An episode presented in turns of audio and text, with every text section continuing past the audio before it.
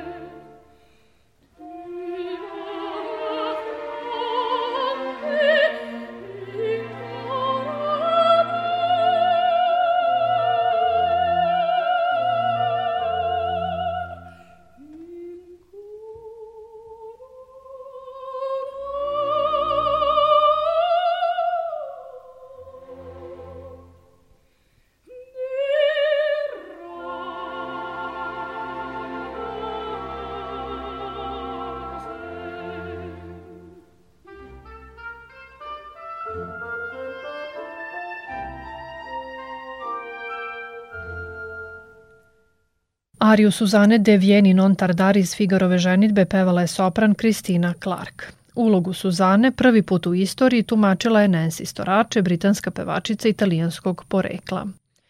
Kada je spomenuta Mozartova opera ponovo postavljena na scenu 1789. godine, kompozitor je bio primoran da piše nove arije za novu Suzanu, zato što Nancy u to vreme više nije živela u Beču – Kao što sam već napomenula, praksa pisanja arija po meri pevača bila je sasvim uobičajena u prošlosti, a dama koja je preuzela rolu Suzane bila je Adriana Ferrarese del Bene.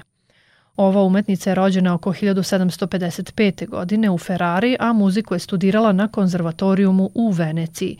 Karijeru operske pevačice počela je u rodnoj zemlji da bi potom dobila dvogodišnji angažman u Londonu. U Beču je bila aktivna od 1788. do 1791. godine, nakon čega se vraća u Italiju. Osim što je Mozart za nju napisao zamenske arije za lik Suzane, ona je prva u istoriji muzike predstavila lik Fiordi Ligi, jednu od glavnih junakinja u operi Tako čine sve. Kada je 1788. debitovala u operi L'Arbore di Diana, španskog kompozitora Vicentea Martina i Solera, Ferrareze je dobila lepe kritike na račun svog moćnog glasa, pa tako u jednim bečkim novinama iz tog vremena piše Ona pored neverovatno visokog registra ima upečatljivi donji registar, a poznavaoci muzike tvrde da dugo nisu čuli takav glas u Beču. Jedino se žale što njene glumačke sposobnosti nisu na nivou njenog pevanja. Mozart je upravo te vokalne specifičnosti isticao u prvi plan kada je pisao arije za ovu pevačicu – Adrianin glas je posjedovao tri značajne odlike, zvučni donji registar, sigurne visine i pokretljivost. To se najbolje može videti u ariji Fiordi Ligi Come Skoljo. Kako je Ferrarese imala izražene duboke tonove, Mozart ih je u izobilju koristio, ali ne kao usputne tonove kraćeg trajanja. Ti duboki tonovi se nalaze na naglašenim delovima takta i pisani su u dugim notnim vrednostima, te je pevačica morala njima dobro da ovlada. Isto tako, Adriana je lako pevala visine, a po najviše velike intervalske skokove, pa je Mozart i to naglašavao u arijama. Ti skokovi su bili često preko oktave, što znači da je pevač morao lako da pređe iz grudnog u registar glave. Pokretljivost Adrianinog glasa iskoristio je tako što je pisao duge koloraturne pasaže koji su obuhvatali gotovo čitav opseg njenog glasa.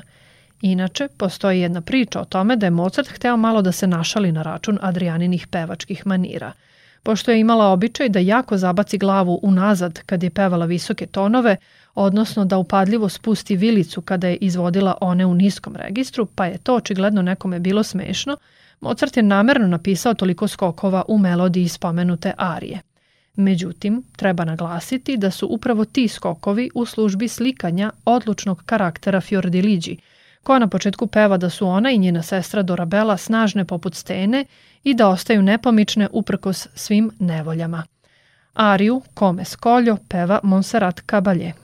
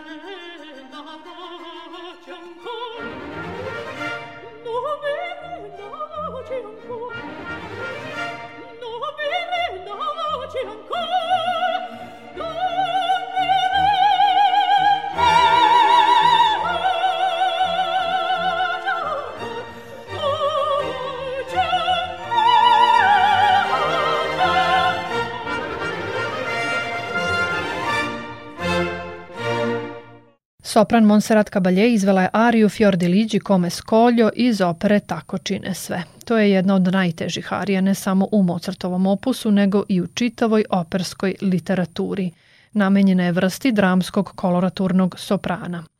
Današnje izdanje emisije Muzički salon posvećeno je predstavljanju četiri pevačice za koje je Mozart pisao operski koncertne arije – U to vreme bilo je sasvim uobičajeno da se muzika piše prema mogućnostima pevača koji su kompozitoru u datom trenutku bili na raspolaganju.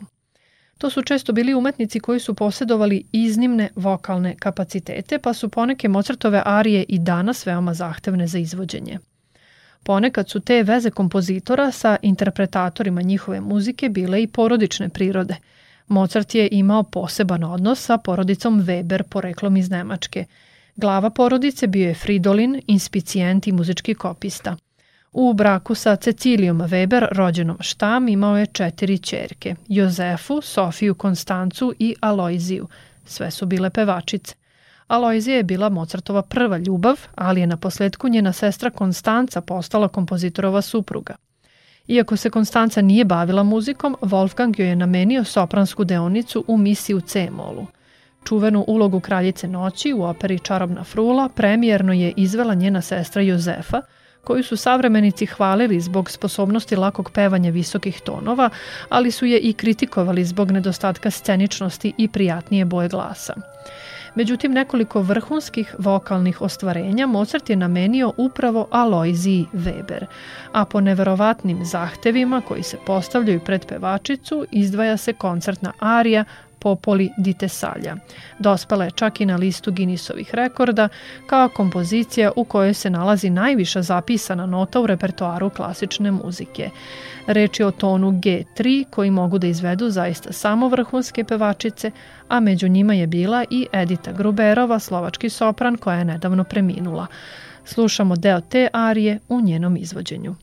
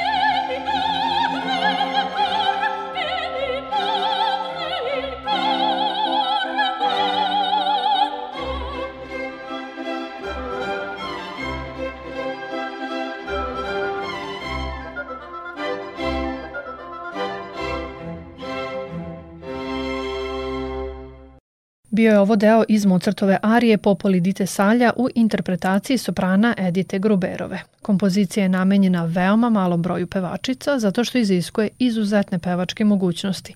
Pre svega, prirodnu predispoziciju za lako izvođenje veoma visokih tonova svojstvenu koloraturnim sopranima, vrsti ženskog glasa koji je od svih najređi u populaciji. Arija takođe zahteva od pevačice konstantno kretanje u visokom registru, mnoštvo koloratura i sposobnost izvođenja jednog od najviših tonova koju ljudsko grlo može da proizvede. Iako je svoju kompozitorsku delatnost vezao pre svega za Beč, Mozart je doživeo lepe uspehe u Pragu, jednoj od najznačajnijih muzičkih prestonica Evrope. Tamo je bio naročito blizak sa bračnim parom Dušek, Františekom Ksaverom i njegovom suprugom Jozefinom. Dušekovi su bili poznati u praškim muzičkim krugovima zato što su okupljali kolege i prijatelje u svom muzičkom salonu u vili Bertramka. Jozefina Dušek, devojačko Hambacher, rođena je 1754. godine u Pragu. Njen otac Adalbert bio je uspešan apotekar, a majka Marija Domenika bila je poreklom iz Salzburga, Mozartovog rodnog mesta. Jozefina je u mladosti bila učenica poznatog kompozitora i uglednog pedagoga Františeka Ksavera Dušeka, za kojeg se i udala 1776. godine. Umetnica je upoznala Mozarta naredne godine kada je boravila u rodnom gradu svoje majke. Tada joj je Wolfgang napisao ariju A lo previdi. Saradnja se nastavila 1786. kada je Jozefina nastupala na Bečkom dvoru da bi naredne godine u Pragu Mozart doživao veliki uspeh sa svojom operom Figarova ženitba. Tada je boravio u Vili Bertramka kao gost porodice Dušek. Kasnije te godine kompozitor je u Pragu radio na partituri Don Giovannija opere koja je premijerno izvedena u tom gradu. Međutim, još jedno delo napisano je baš u Vili Bertramka, svedoči Mozartov sin Karl Thomas. Bilo je to 3. novembra 1787. godine kad je Mozart na partituri arije Bella Fiamma Adio zabeležio datum njenog završetka. I upravo je tu ariju Jozefina izvela na koncertima u Drezdenu i Leipzigu 1789. godine kada je pratila Mozarta na njegovoj turneji po nemačkim gradovima. Inače, Jozefina je imala dugu i uspešnu karijeru, nastupala je u rodnom Pragu, Beču, Salzburgu, Drezdenu, Weimaru, Leipzigu, Berlinu i Varšavi. Njeni obožavaoci su je nazivali Češkom Gabrieli po čuvenoj italijanskoj pevačici Katarini Gabrieli. Bila je cenjena zbog sonornosti, opsega i fleksibilnosti glasa, ali i muzikalnosti. Deo iz arije Bella Fiamma Adio slušamo na kraju današnjeg druženja uz umetničku muziku, peva sopran Lilian Sukis. Do narednog susreta, srdačan pozdrav iz studija Radio Novog Sada.